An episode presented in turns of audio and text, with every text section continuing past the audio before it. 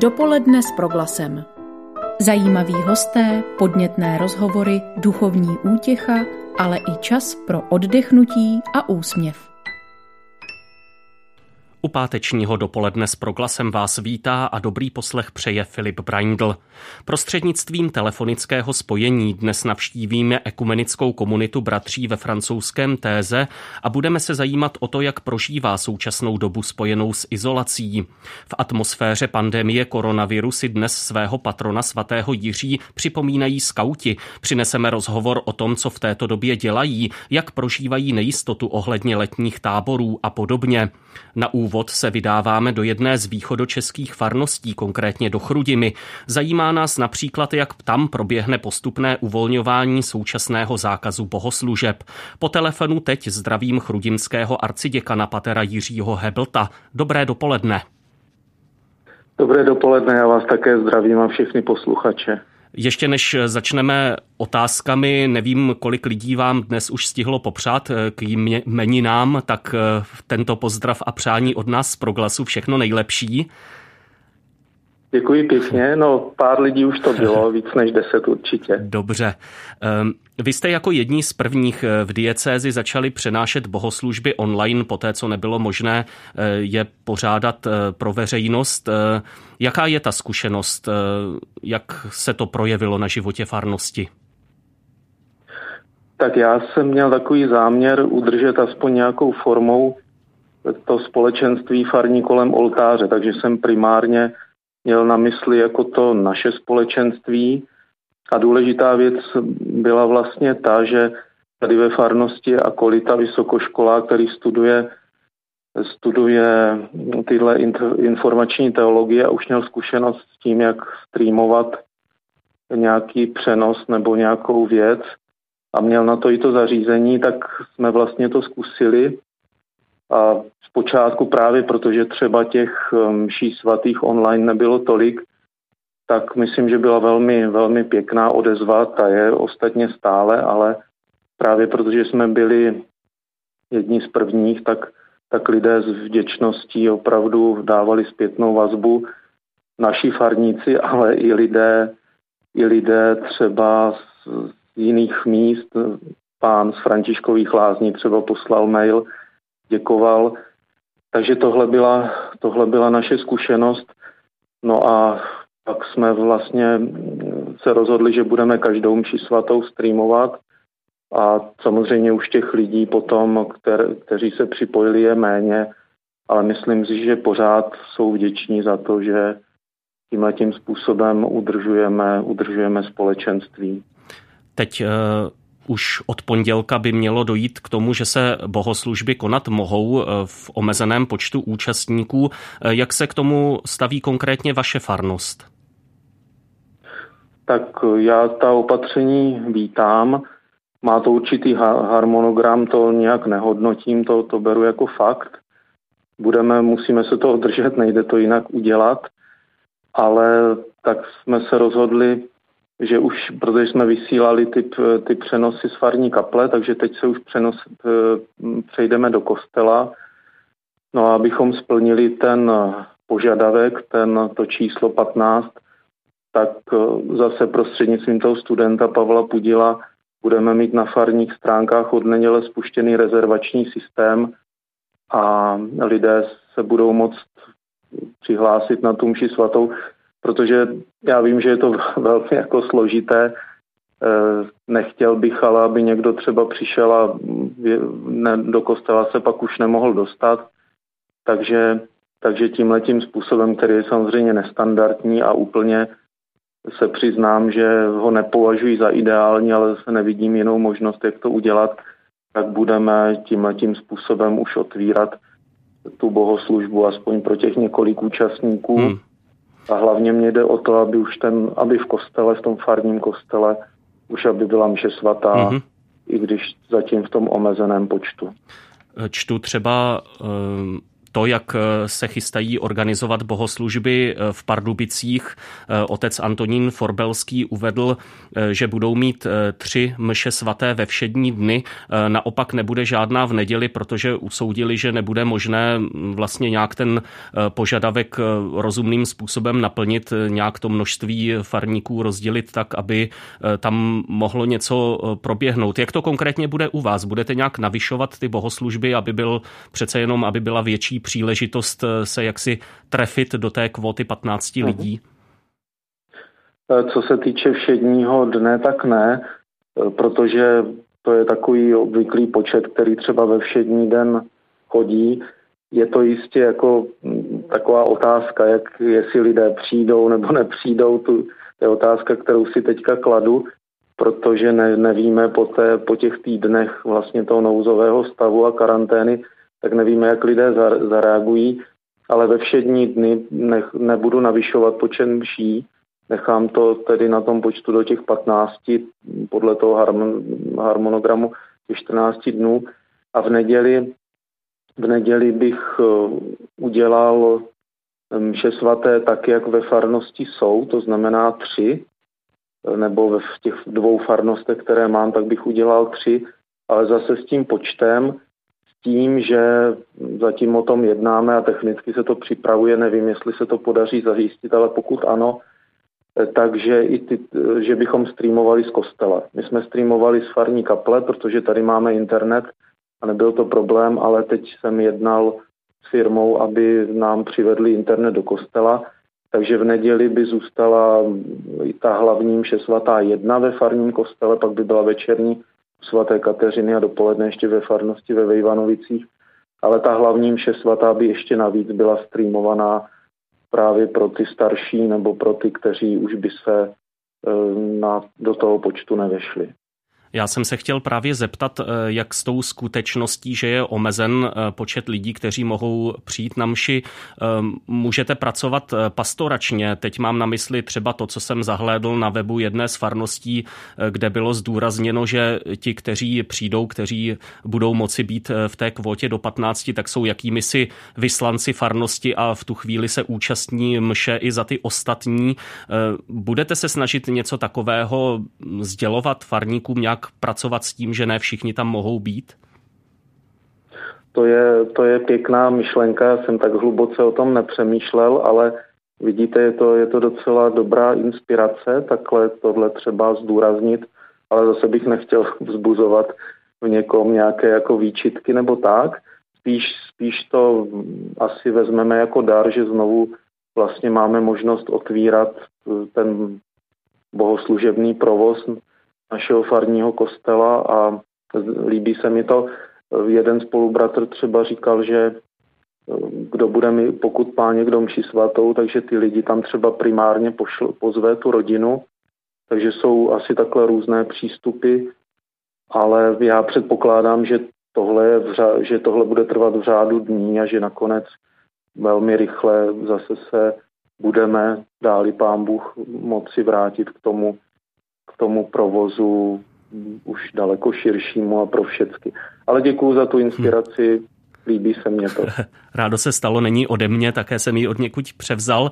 Eh, zatím jsme hovořili o bohoslužbách. Eh, já se zeptám ještě na ten eh, jaksi provoz farnosti mimo bohoslužby. Teď mám na mysli eh, individuální udělování svátostí, eh, svátost smíření, podávání svatého přijímání, otevření kostela pro individuální modlitbu. Mhm. Eh, co dosud funguje, jak se to případně změní či nezmění s tím, že už se budou moci konat i bohoslužby? tak když začal ten nouzový stav a hledali jsme nějaký model, jak to udělat, tak byly hlasy různé. Někdo měl samozřejmě touhu, aby se to otevřelo hodně, ale dost taky hlasů bylo, abychom byli takzvaně předběžně opatrní, abychom třeba nechali kostel jenom otevřený prostě pod, do toho závětří a tak to se mně nezdálo, tak jsme zvolili takový kompromisní model, že kostel je otevřený ve středu, v ve středu, v pátek a v neděli vždycky od 15 do 17 hodin. A tam je možné přistoupit ke svatému přijímání a také ke svátosti smíření. Takže tenhle ten model budeme držet až do této neděle 26. No a jak to bude, jak to bude dál, když už bude otevřený na mši svatou, tak tam ještě to musíme taky promyslet, jak právě třeba po mši svaté ještě nechat třeba hodinku otevřeno, aby další mohli třeba ke svatému přijímání. Přiznám si, že tohle jsem ještě, ještě úplně, úplně ne, jako nestanovil. Mm-hmm. Buď budeme držet ten model středa, pátek, neděle, odpoledne, ale spíš, spíš nějak bude, budu přemýšlet o tom, jak to spojit s tou mší svatou, jestli před ní nebo mm-hmm. po ní ještě ten kostel nechat minimálně hodinu otevřený, proto aby tam mohli další lidé, kteří se nevejdou do toho numeru klauzu, eh, se dostat ke svatému přijímání, případně ke svátosti smíření. Já jsem rád, že to takto rozebíráte, že mohou posluchači vnímat i to, že eh, vše je součástí nějakého eh, procesu rozhodování a nějakého tak, tak, tak. vývoje událostí. Je zřejmé, že jasné mantinely nastavuje nařízení vlády ta opatření o rozestupech, o dezinfekci ano. a tak dále, 15 eh, lidech, to je zřejmé. Eh, jsou ještě nějaká další pravidla, která třeba eh, přišla z biskupství, jsou nějaké instrukce, kterými se musíte řídit? Ano, z biskupství jsme dostali instrukce celkem po celou tu dobu tohohle mimořádného stavu. Myslím, že představení nás tak jako opravdu v tomhle nenechali na holičkách takže ty několik těch instrukcí bylo, podle nich jsme se řídili a myslím si, že na jednu stranu ta zodpovědnost spočívá vždycky na tom jednotlivém faráři, knězi, ale na druhou stranu myslím, že to je velmi dobré, že, že tady taková ta metodika přijde a to bylo teď taky na základě toho posledního uvolnění vlády podstata je ta, že co bylo řečeno v tom vládním, vládním ustanovení, tak, tak jsme dostali z biskupství. Pokud si vzpomínám, tak tam nic tak markantního navíc jako nevidím. To znamená držet ty rozestupy, dezinfekce ve vstupu do kostela, dezinfekce před svatým přijímáním rukou těch podávajících nebo toho podávajícího, mm-hmm. pak případně ten prostor dezinfikovat, tak tohle to je takové to hlavní, co, co tam v těch nařízeních taky bylo a to se Myslím, budeme snažit. Ano. Myslím, že uh, taky, že se nemají konat žádné další, další akce typu nějakých schůzek, nějakých společenství a podobně ve farnostech. To je ano, přesně tak. Můžeme udělovat svátosti, to znamená křtiny, mohou být pohřeb samozřejmě, to jsem měl taky za tu dobu asi tři už pohřby. Svatby taky už mo- mohou být v tom omezeném počtu, ale co se týče těch příprav, katechezí, dalších prostě těch farních akcí, tak to zatím, zatím ještě musíme čekat. Vy jste duchovním správcem chrudimské farnosti. E, toto město je známé hlubokou salvátorskou tradicí a v arciděkanském kostele je umístěn zvláštní milostný obraz nejsvětějšího Salvátora, e, který se uctíval v minulosti právě v dobách epidemií a jsou mu připisovány uzdravující účinky. E, projevuje se tohle nějak na, na životě, na duchovním životě farnosti? Tak to je naše téma tady vlastně jako stále téma. Ta salvátorská tradice, Kristova tvář, která je k nám obrácená, tvář laskavá, ale tvář taky zraněná. A doslova ten obraz byl zraněn švédskými vojáky 1648 na sklonku 30 leté války. Takže salvátorská tradice, to je naše téma to je naše téma stále a myslím, že velice krásné je to téma kristologické, taky lidské, že je to lidská tvář, je to, je to tvář, která je laskavá, která na nás eh, opravdu hledí s láskou, tak si myslím, že pro současnou spiritualitu to je téma, které je stále, stále nosné a myslím si, že vždycky bude, pokud tedy jsme křesťany, protože Kristus je ve středu naší víry, No ale máte pravdu, že nás napadla i tahle spojitost s tou tradicí, která tady vznikla v roce 1674, kdy se do kostela ten obraz dostal. 1676 eh, byla potvrzena ta veřejná úcta po, po kanonickém procesu a právě 1680 byla velká morová epidemie, kde tady v Chrudimi bylo minimum prostě nakažených nebo žádní. A ve Slatiňanech přitom zemřelo už 90 lidí, což je tady sousední městečko. A tehdy, tehdy zdejší kněz, který přinesl ten obraz do kostela, získal ho to soukromníka nebo to občana, měšťana, který ho měl v držení Jana Pfeiffera, Samuel Václav Hataš, to byl tehdejší děkan, tak vlastně konal pobožnost eh, za ty Slatiňany a tam se ten mor zastavil. Pak 1713 byla další, další epidemie, kdy na Pardubický zámek tehdejší císař Leopold, Leopold I. si nechal přinést ten, ten náš obraz. A pak v baroku tady byly veliké poutě a lidé se k tomu obrazu nebo ke Kristu skrze ten obraz utíkali nejenom těchto věcech zdravotních, bych řekl, ale i v těch všech problémech. Takže my jsme nějak na tu tradici navázali, já jsem, protože na oltáři je kopie, ten originál je příliš zácný na to, když se v kostelech kradlo v 90. letech, tak, tak ten obraz, ten originál vystavujeme jenom příležitostně, ale tohle byl pro mě podnět, abych ten obraz vzal z, de, z depozitáře a abychom se před ním modlili, i když samozřejmě Eh, nebyl ten úmysl nějak vzbuzovat nějakou, nějakou, nějaké magické vědomí, že, že ten samotný, samotný předmět má nějakou zvláštní uzdravující moc. To víme, že tak není, to by bylo naprosto protikřesťanské. Je to Kristus, který uzdravuje, ale ten, ten předmět je, je tady v tradici, tak má to místo a i s svým obsahem, jak už jsem o tom mluvil, myslím, že nám může pomoci tyhle věci jsou, tyhle věci jsou relativní. Hmm. Vždycky, když uctíváme obrazy, tak nás to má mm, přivést víc do toho vztahu těmi, koho obrazují a tady především s Kristem.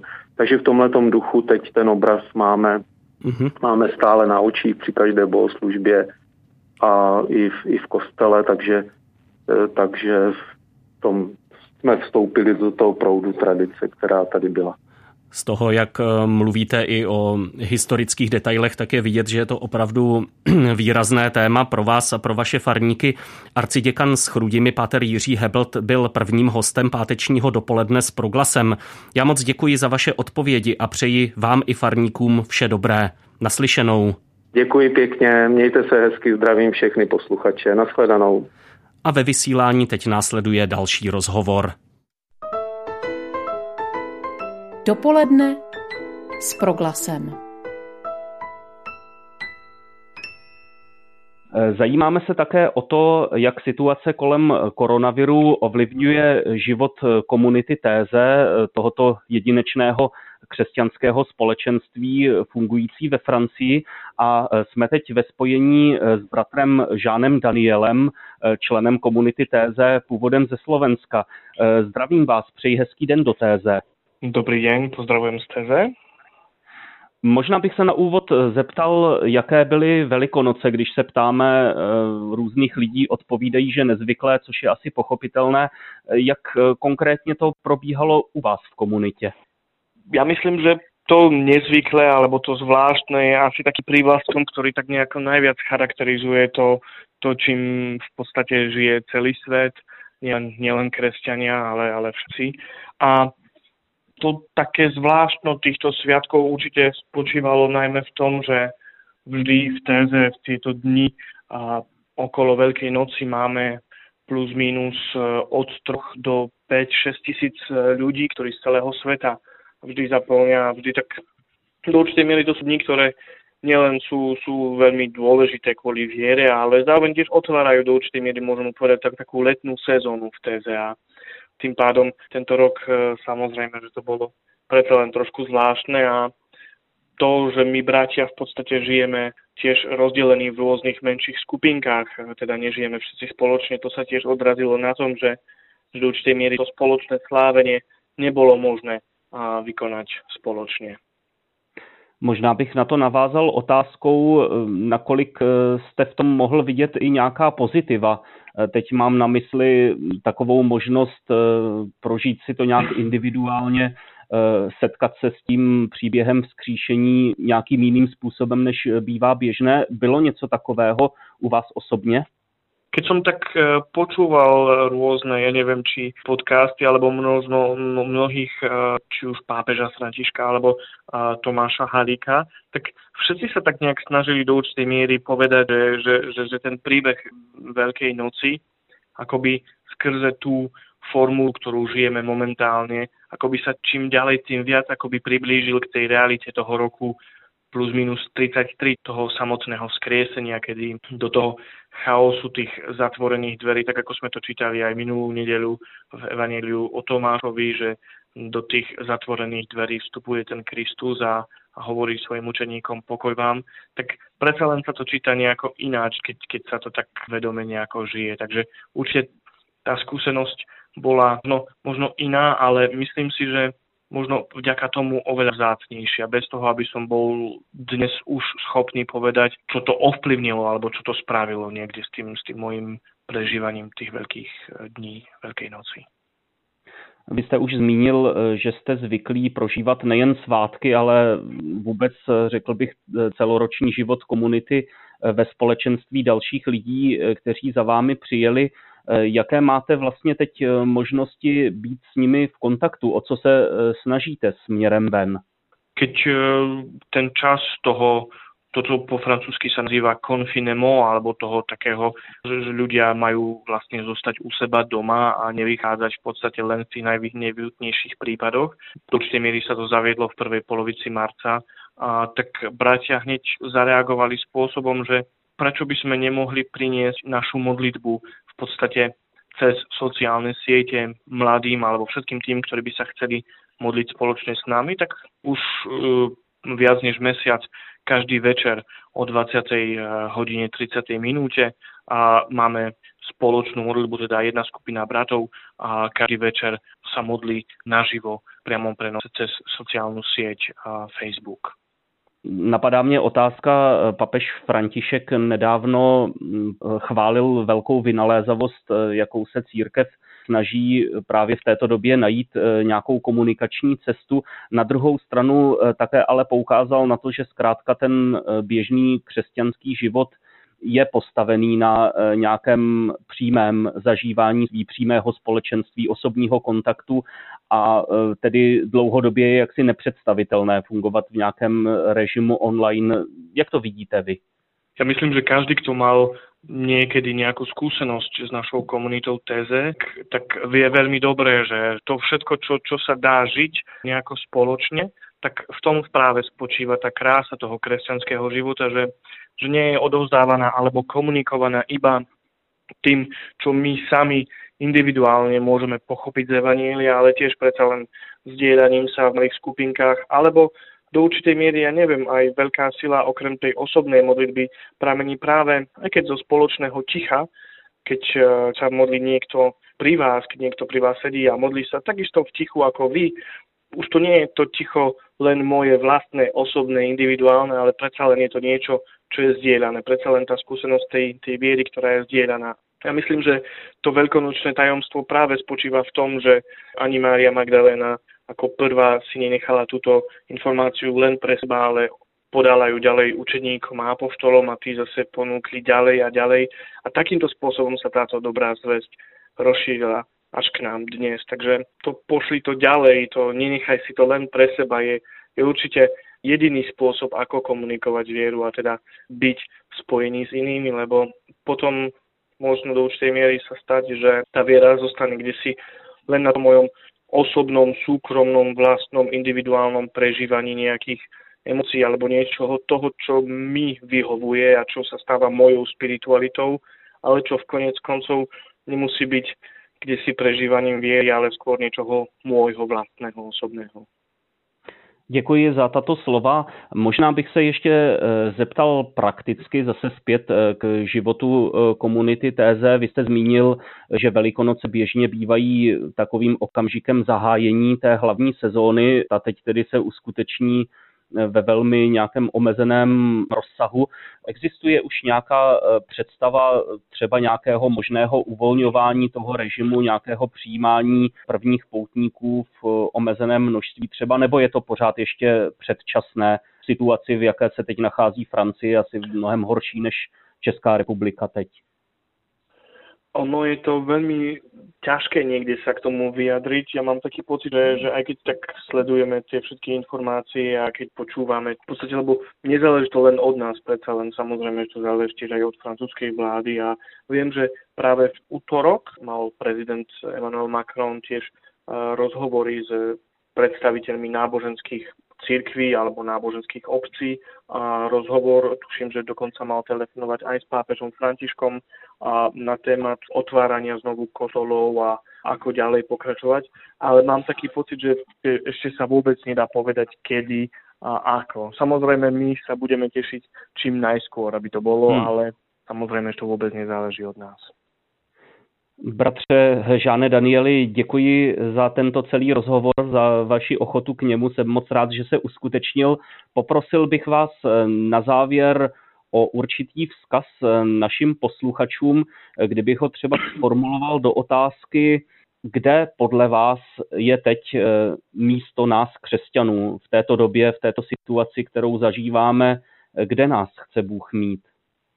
Nie je ľahká otázka, priznám sa a sám si na ňu nemám veľmi jasnú alebo konkrétnu odpoveď, ale určite, určite som si istý a presvedčený o tom, že Kristus nás nechce mať niekde mimo, ale uprostred tohto všetkého. Takže tak ako aj pápež František hovorí, že, že tá Galilea, do ktorej Kristus v podstate posiela tých učedníkov po skriesení, po svojom zmrtvých staní, tak e, to je ten každodenný život, že to je tam, kde, kde žijú svoj každodenný život. Žiadne niečo špeciálne, žiadne niečo zvláštne, to, čo by nám možno spravilo väčšiu príjemnosť, alebo čo by nám dodalo možno viacej ochoci, ale ten každodenný taký sivý, šedý život, v ktorom predsa len treba trošku viacej pracovať na tom, aby sme objavovali stopy zmrtvých stáleho Krista, to je ten život, v ktorom nás Kristus čaká. Takže asi v tej pomoci jeden druhému navzájom, aby jsme tak nejako boli prítomní.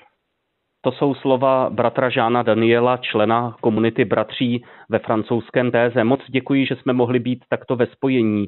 Přeji vám i ostatním bratřím, ať se daří vše dobré. Naschledanou s Pánem Všechno Bohem. Dobré. S Pánem Bohem, s Pánem Bohem.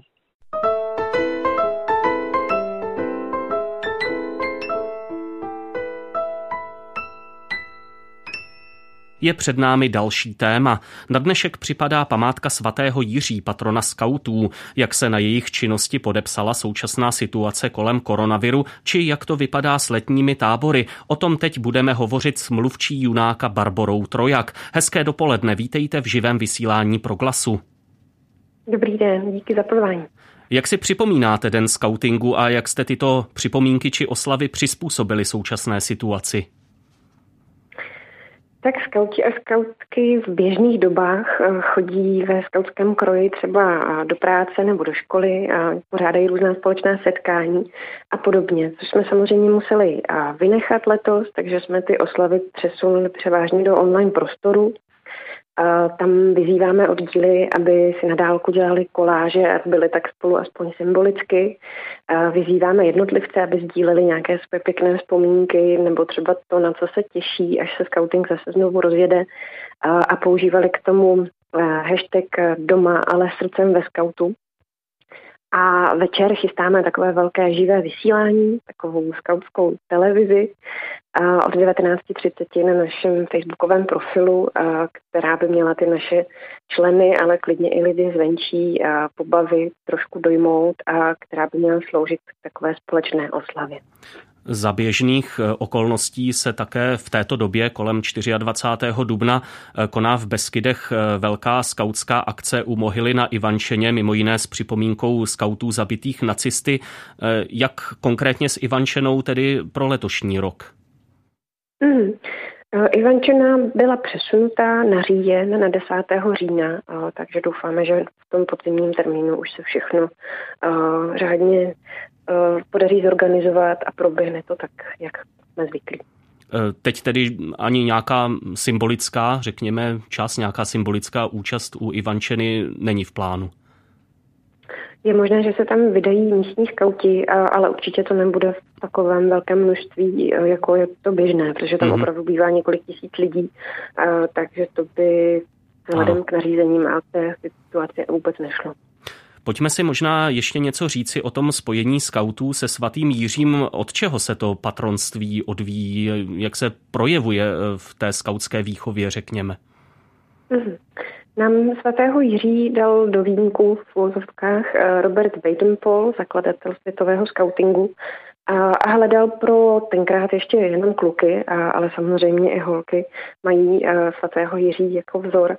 Tak hledal nějakého, eh, nějaký nostný vzor nějakého rytíře, ke kterému by se mohli vztahovat, které, jehož příběh by je mohl oslovovat a který by jim mohl být inspirací, tak právě svatý Jiří jako boj dobra se zlem a symbol neústupnosti a toho, že si máme stát za tím, máme stát za dobrými věcmi. Mm-hmm.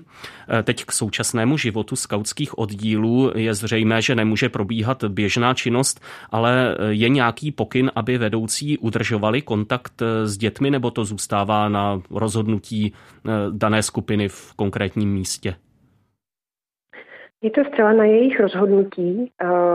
Je to samozřejmě z ústředí skautské organizace doporučení a sami ty děti potom často touží, protože mm, mnoho kluků a holek říká, že skauty je jejich druhá rodina a, takže jim ti kamarádi moc chybí. Ale je to vyloženě na nich a my se jenom snažíme jako organizace poskytovat vedoucím co největší podporu v tom, aby to pro ně bylo co nejsnažší.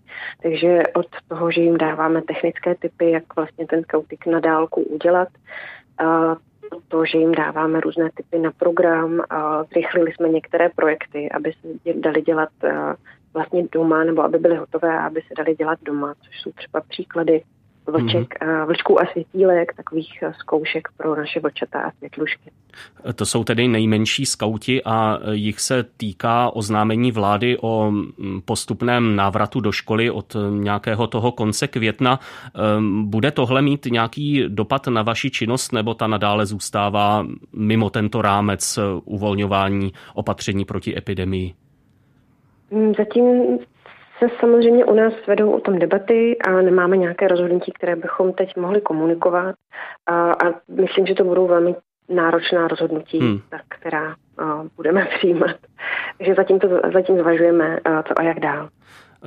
To zvažování, co a jak dál, se pravděpodobně týká i letních táborů. Zatím, pokud vím, nepadlo nějaké centrální rozhodnutí ze strany vlády, v jakém režimu tato prázdninová činnost bude moci probíhat. S jakými informacemi vy teď pracujete, pokud jde o letní tábory? No, těch informací uh, není mnoho a nejsou zcela jasné, uh, nebo respektive docela, docela se mění. Uh, my stále doufáme, že tábory budou moci proběhnout, byť třeba v nějakém, ať už um, omezeném režimu uh, z hlediska toho, že tam bude moc, muset být nějaké omezené množství dětí, nebo že budou mít muset na, uh, na sobě nějaké ochranné pomůcky.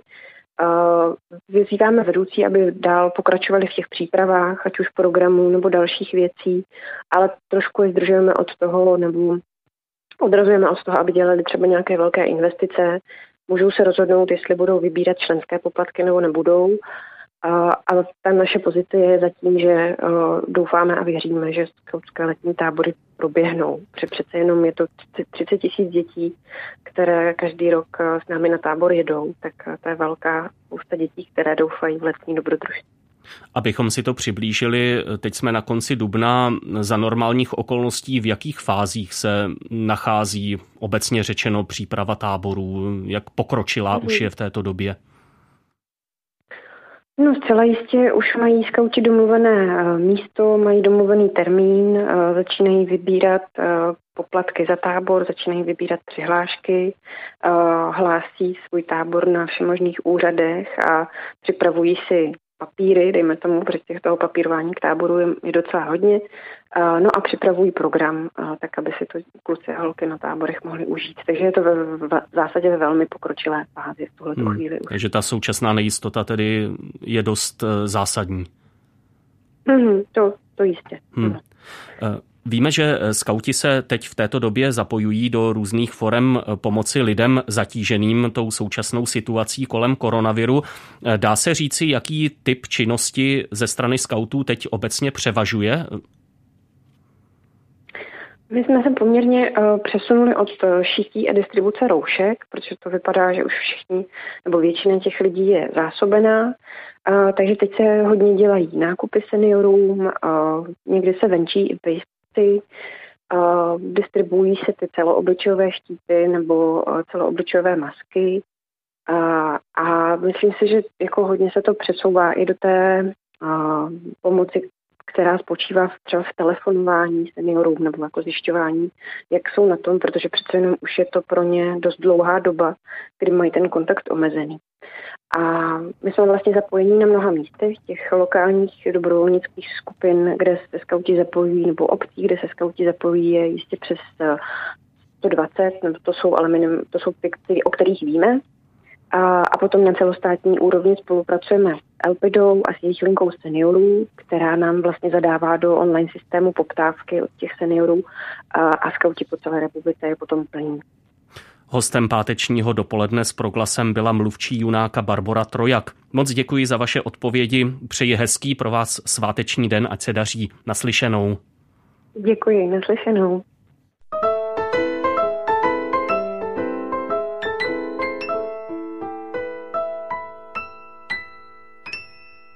Omezení veřejného náboženského života, ale také ekonomické dopady na klášterní podnikání, to jsou prvky, s nimiž v současné situaci funguje komunita premonstrátů v Želivi na Vysočině.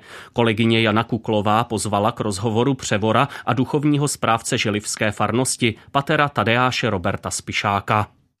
Já bych se vás pro začátek našeho rozhovoru zeptala, jak se vám teď v Želivském klášteře daří vzhledem k současné pandemii koronaviru. Tak prožíváme takovou dobu sklidnění, co se týče těch aktivit ve farnosti, protože spoustu z nich nemůžeme vykonávat a tak jsme zavřeni v klášteře víceméně. Vysíláme bohoslužby samozřejmě online už od začátku. Je to pokaždé, když zapínáme ten mobilní telefon pro nás takové bizarní. Uvědomujeme si, že je to dobré, protože udržujeme kontakty s našimi farníky nebo s přáteli našeho kláštera. Na druhé straně, ale tak jak nedávno říkal papež František, že máme dávat pozor, aby se naše farnosti nestaly virtuálními, tak nám chybí ten živý kontakt. No a když se díváte na kameru nebo na mobil, no tak je to opravdu divný. Třeba já jsem zvyklý vycítit atmosféru těch lidí, kteří jsou přede mnou a snažit se pochopit tu atmosféru a trošku lidi pouzbudit a když nevíte, jak se ten člověk cítí, tak to moc neumíte cítit se do té nálady. Takže co se týče těch duchovních věcí, opravdu teďka frčíme virtuálně. Co se týče kláštera, tak tam samozřejmě teď eh, vidíme určitý užitek, protože jsme najednou všichni pohromadě, takže jsme všichni v kapli, jsme všichni na společném jídle, takže musím říct, že si to víceméně užíváme. Samozřejmě přijde taková ponorka, asi tak jako i u jiných rodin, tak se to týká samozřejmě i těch řeholních komunit, ale jsme opravdu víc spolu, dokonce jsme schopni si zahrát i nějakou hru, deskovku, no a začali jsme vysázet zahrádku, na kterou jsme nikdy neměli čas a máme velkou zahradu a udělali jsme si tam několik políček pro zeleninu. Spolubratr zase pořezával stromky a sadil, sadil květiny, protože obaví zahradničení, takže byl na to chviličku čas. A dobíháme to, co nestíháme. No a potom je třetí taková řada různých problémů a to je to, že my tady máme opravdu obrovský objekt, máme tady pivovar, restauraci, hotel, no a všechny tyhle ty střediska jsou odkázány na turisty. A my teď žádné turisty nemáme a už dva měsíce nemáme žádné příjmy a snažíme se zaplatit ty naše lidi a podržet je tak, jak je to možné. Takže teď bohužel řešíme i tyhle ty problémy, které nás do jisté míry postihly, ale vždycky si říkáme, že nejdůležitější je dělat tu kněžskou práci, protože jsme tady kněží a nabízíme v podstatě ty duchovní služby. To je to hlavní, to je naše priorita. Právě jsem se chtěla vrátit ještě k těm online bohoslužbám, které vysíláte. Zajímalo mě, jestli na to nějak reagují vaši farníci, jestli od nich máte nějakou reakci, jak oni to vnímají. Máme, mnozí by už se rádi vrátili do těch našich kostelů, a samozřejmě viděli nás živě. Těší se třeba nemocní nebo starší lidi, kteří by stejně pravidelně do toho kostela nemohli a najednou tím, že jsme neustále na internetu, tak nás vidí a slyší. Je skvělé, že cítíme takovou blízkost těch našich farníků, co je kněz bez farníků, a zároveň cítíme, že farníci říkají, co jsou farníci bez kněze, že nás to opravdu těší, když si na nás vzpomenou. Teďka nám paní kostelnice z Elhotic už po druhé poslala balíček sladkostí, protože ty tam bude v Elhoticích pouč na svatého Jiří a samozřejmě ještě nebude moci být vše svatá a ona by nás jako každý rok pozvala na nějaké občerstvení, abychom to společně oslavili a tak nám poslala celý balíček různých sladkostí. Tak ono je to takový vzájemný a hodně to potěší. Třeba na květnou neděli jsme se snažili rozdat ke dveřím alespoň palmu z květný neděle, aby ti lidé měli nějaký pocit, že s námi byli, byť jenom online, ale aby si tam tu palmu někde ke kříži ve své domácnosti dali. Takže vznikají takové krásné pozornosti, kdy najednou vidíme, že ta církev je o společenství, že ta církev je o vztazích, že víra je o vztazích, protože máme jednoho nebeského Otce. Já vždycky, když sleduju online při svatou v téhle době, tak si říkám, jak to asi je pro vás těžké po té technické stránce. Museli jste řešit nějaké problémy technické. to je dobrá otázka. Nebyli jsme na to úplně vybaveni. Dneska ty mobilní telefony jsou skvělé, takže my vysíláme z mobilního telefonu, který má dobrou kameru, ale zase tím, že ta kamera je samozřejmě v určité vzdálenosti, tak jsme potřebovali mikrofon. To nám zase pomohl náš technicky zdatný novic Michal, který má 19 let, je skvělý a rozumí technice. Pak jsme byli nuceni objednat nějaké kabely, které nám dorazily přes internet, no a nějaký kamerový stojan, aby to bylo bezpečně položený a abychom mohli vysílat. No a problém v klášteře je samozřejmě internet, protože tady jsou tlusté zdi a ne všude je signál. Takže ten mobil naštěstí má nějaká data. V kostele není Wi-Fi signál, naší internetové sítě, takže tam jsme používali data a v kapli zase jsme mohli využít naši internetovou síť, protože naštěstí tam byl signál. No a někdy to samozřejmě také vypadlo kvůli technickým problémům. Zní to, že jste se museli postavit hodně novým výzvám tedy v té současné situaci.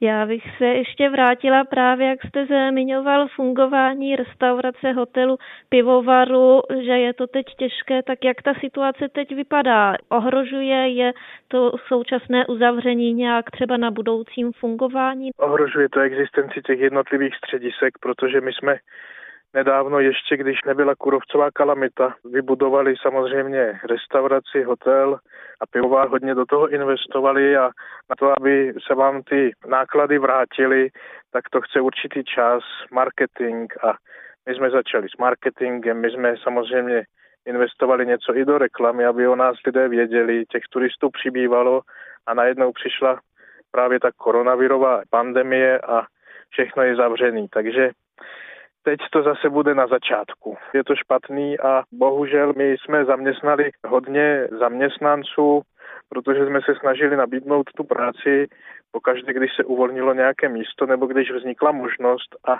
zdá se, že budeme muset zredukovat i počet zaměstnanců. Zatím jsme se na to nedali, využíváme všechny možnosti a mechanismy, které nabízí stát a uvidíme, jak to bude. Doufejme, že k tomu nebudeme moci přistoupit, ale zdá se, že budeme mít opravdu ekonomické problémy. Ohrozilo to třeba i nějaké budoucí projekty? U nás teď probíhá tříletý program renovace fasád všech klášterních objektů, to znamená konventu, prelatury, Trčkova hradu a renesančního domu. Teď probíhá třetí fáze. Letos v září by ten projekt měl skončit. No a teďka scháníme peníze na to, abychom zaplatili tu spoluúčast, což je 10% z toho projektu. No a akutně teďka opravdu řešíme ten finanční problém, abychom mohli zaplatit spoluúčast a aby ten projekt mohl doběhnout. Vypadá to tak, že ty peníze seženeme, nebude to problém, ale museli jsme stopnout další projekty, které jsme měli v rámci ty vize. Kdo zná Želiv, tak ví, že je to obrovský areál. Plánujeme vybudovat sociální projekt za budovou opatství. Dále jsme připravovali projekt poutního domu, opravu parkoviště, opravu nádvoří a spoustu dalších. To všechno se stoplo a bohužel se stoply takové věci, jako například renovace knihovny, protože za komunismu byla ta knihovna úplně zničena. Polovina knih byla odvezena do vedlejší vesnice, do Červené řečice, kde z nich byl zhotoven toaletní papír, to byla soukromá knihovna Opatu, další polovina knih byla spálená a máme ještě konvencní knihovnu, kde byly spáleny všechny barokní regály a právě ve spolupráci s paní doktorkou Opltou jsme loni začali katalogizovat knihy a letos jsme měli pořídit nové regály a ani na to bohužel teďka nemáme, protože na prvním místě jsou lidé, které zaměstnáváme, takže teď jsme tu investici stopli. To jsou všechno takové věci, které teď řešíme. Jasně, některé jsou jenom materiální, ale zasahuje to bohužel i do těch lidských vztahu nebo jistot, které má každý, kdo je někde zaměstnaný. Takže si tomu rozumím správně, tak ty podnikatelské aktivity právě pomáhaly získávat peníze tady i na ty projekty, které eh, jste vyjmenoval a kvůli tomu eh, koronaviru jste to nyní museli stopnout. Přesně tak protože všechny ty velké projekty, jako je renovace fasád, jsou hrazeny z evropských fondů. Ty projekty mají spoluúčast, která se pohybuje kolem 5 až 10% Například, když opravujete fasády v takové velikosti jako my, protože ten objekt je opravdu velký a teď klášter vypadá nádherně, tak ta spoluúčast se pohybuje třeba kolem 6 milionů, protože celková dotace je 60 milionů. No a teď jsme spolehali samozřejmě na naše lesy, ten projekt vlastně byl rozběhnutý tehdy, když ještě nebyla kurovcová kalamita, jenom na začátku, takže bylo možné ty peníze sehnat prodejem dřeva. Ale teď jsou všechny pily zavřeny a nekupují to dříví. Navíc cena toho dřeva klesla z 2500 korun za kubík na 500-700 korun, takže to jsou opravdu velké finanční těžkosti. A teď si vemte, že vám to mluví kněz, který tomu moc nerozumí a je odkázán na pomoc všech lajků a zaměstnanců, kteří zde pracují. No a šťastný je člověk, který nemá tak velký barák jako my. Na druhé straně je to dědictví. Tím, že ten klášter je velký, tak nabízí i velké možnosti. Je tady velká zahrada, máme tady centrum pro mládež, nabízíme duchovní cvičení, exercicie a aktivity, které si ta běžná malinká farnost nemůže dovolit, nějaké evangelizační projekty. Takže to financování nám samozřejmě k tomu pomohlo, ale já jsem optimista, moji spolubratři jsou také většinou optimisté a říkáme, že ten klášter přežil už tolik peripetí, eh, které v té historii byly a pán Bůh je s námi, tak věřím, že to nějak ustojíme. Jsem právě viděla, že jste se třeba váš pivovar k té situaci současné postavili hodně aktivně a třeba právě pivovar začal rozvážet pivo i do vzdálenějších měst, jako je Praha, Brno. Pomáhá třeba aspoň tahle aktivita trošku té současné finanční situaci? Mají lidi zájem si objednat třeba vaše právě produkty pivovaru? Ano, někteří eh, koupí to pivo, protože viděli někde reklamu a jsou lidé známí, kteří si schválně to pivo koupí, protože nechtějí, aby ten pivovar třeba zkrachoval. Takže otevření toho online obchodu pomohlo, protože naši chlapi, kteří vaří pivo, vaří a můžou ho nějak nabízet, takže ta firma úplně nestojí. Je to samozřejmě minimálně, protože my jsme odkázáni na hospody, hlavně pražské nebo brněnské, které prodávají naše pivo a ty všechny jsou zavřeny, včetně ty naší. No. Já bych se ještě právě vrátila k tomu, jak jste zmiňoval, a že u vás v klášteře probíhají různé akce, tak museli jste třeba i nějak program zrušit? Bohužel ano. V březnu jsme zde měli mít duchovní cvičení Ocovo srdce s českým a slovenským týmem, takže v březnu jsme museli zavřít tenhle ten seminář. Pak nám měla dorazit američanka Mary Shaw, která měla povídat o zraněních z rodiny a jak jim čelit. Tím, že v Americe také probíhá pandemie, tak se bohužel do Česka nedostane. Potom byla zrušena akce K, připomenutí akce K, kdy byly uzavřeny všechny kláštery 70. výročí, měl tady být kardinál Duka, který měl sloužit mši svatou s dalšími řeholníky. Tahle ta akce byla přesunuta až na srpen. A jak budou vlastně vypadat nejbližší dny v želivské farnosti? Od 27. dubna se vše svaté mohou účastnit maximálně 15 lidí, tak otevře se kostel u vás v klášteře? Otevře, těšíme se. Škoda, že to dali od pondělka, ne již od neděle, protože bychom třeba mohli slavit tu pouť v Lhoticích, alespoň v malém množství. Ale od pondělka samozřejmě každý den budeme slavit mši svatou také pro veřejnost a tím, že je nás víc spolubratří, kteří jsme spolu za oltářem, tak pokud by dorazilo víc lidí, tak se rozdělíme třeba do dvou kaplí nebo do dvou kaplí plus do kostela. Horší to bude s tou nedělí. Zatím si neumím představit, jakým způsobem tohle to uděláme. Pokud dorazí víc lidí, když bude hezky, tak možná, že odsloužíme mši svatovi na zahradě. Uvidíme. Tak já vám moc eh, děkuji za rozhovor. Děkuji, že jste si udělal na Rádio Proglas čas. Já taky děkuji. Zdravíme vás ze Želivského kláštera, vás i všechny posluchače Rádia Proglas. Tomuto rozhovoru Jany Kuklové s premonstrátem paterem Tadeášem Robertem Spišákem doplním, že podle aktuálního rozhodnutí vlády eh, to uvolnění opatření zákazu bohoslužeb je v účinnosti už od dneška od pátku 24. dubna. Je tedy ode dneška možno sloužit bohoslužby s maximálním počtem 15 účastníků. Eh, budeme eh, tuto věc nadále sledovat ve spravodajských relacích a také komentovat. Z programu pátečního dopoledne s proglasem je to všechno. Od mikrofonu se loučí a hezké jarní dny přeje Filip Braindl. Naslyšenou. Dopoledne s proglasem. Každý všední den mezi devátou a desátou jsme v tom s vámi už 25 let.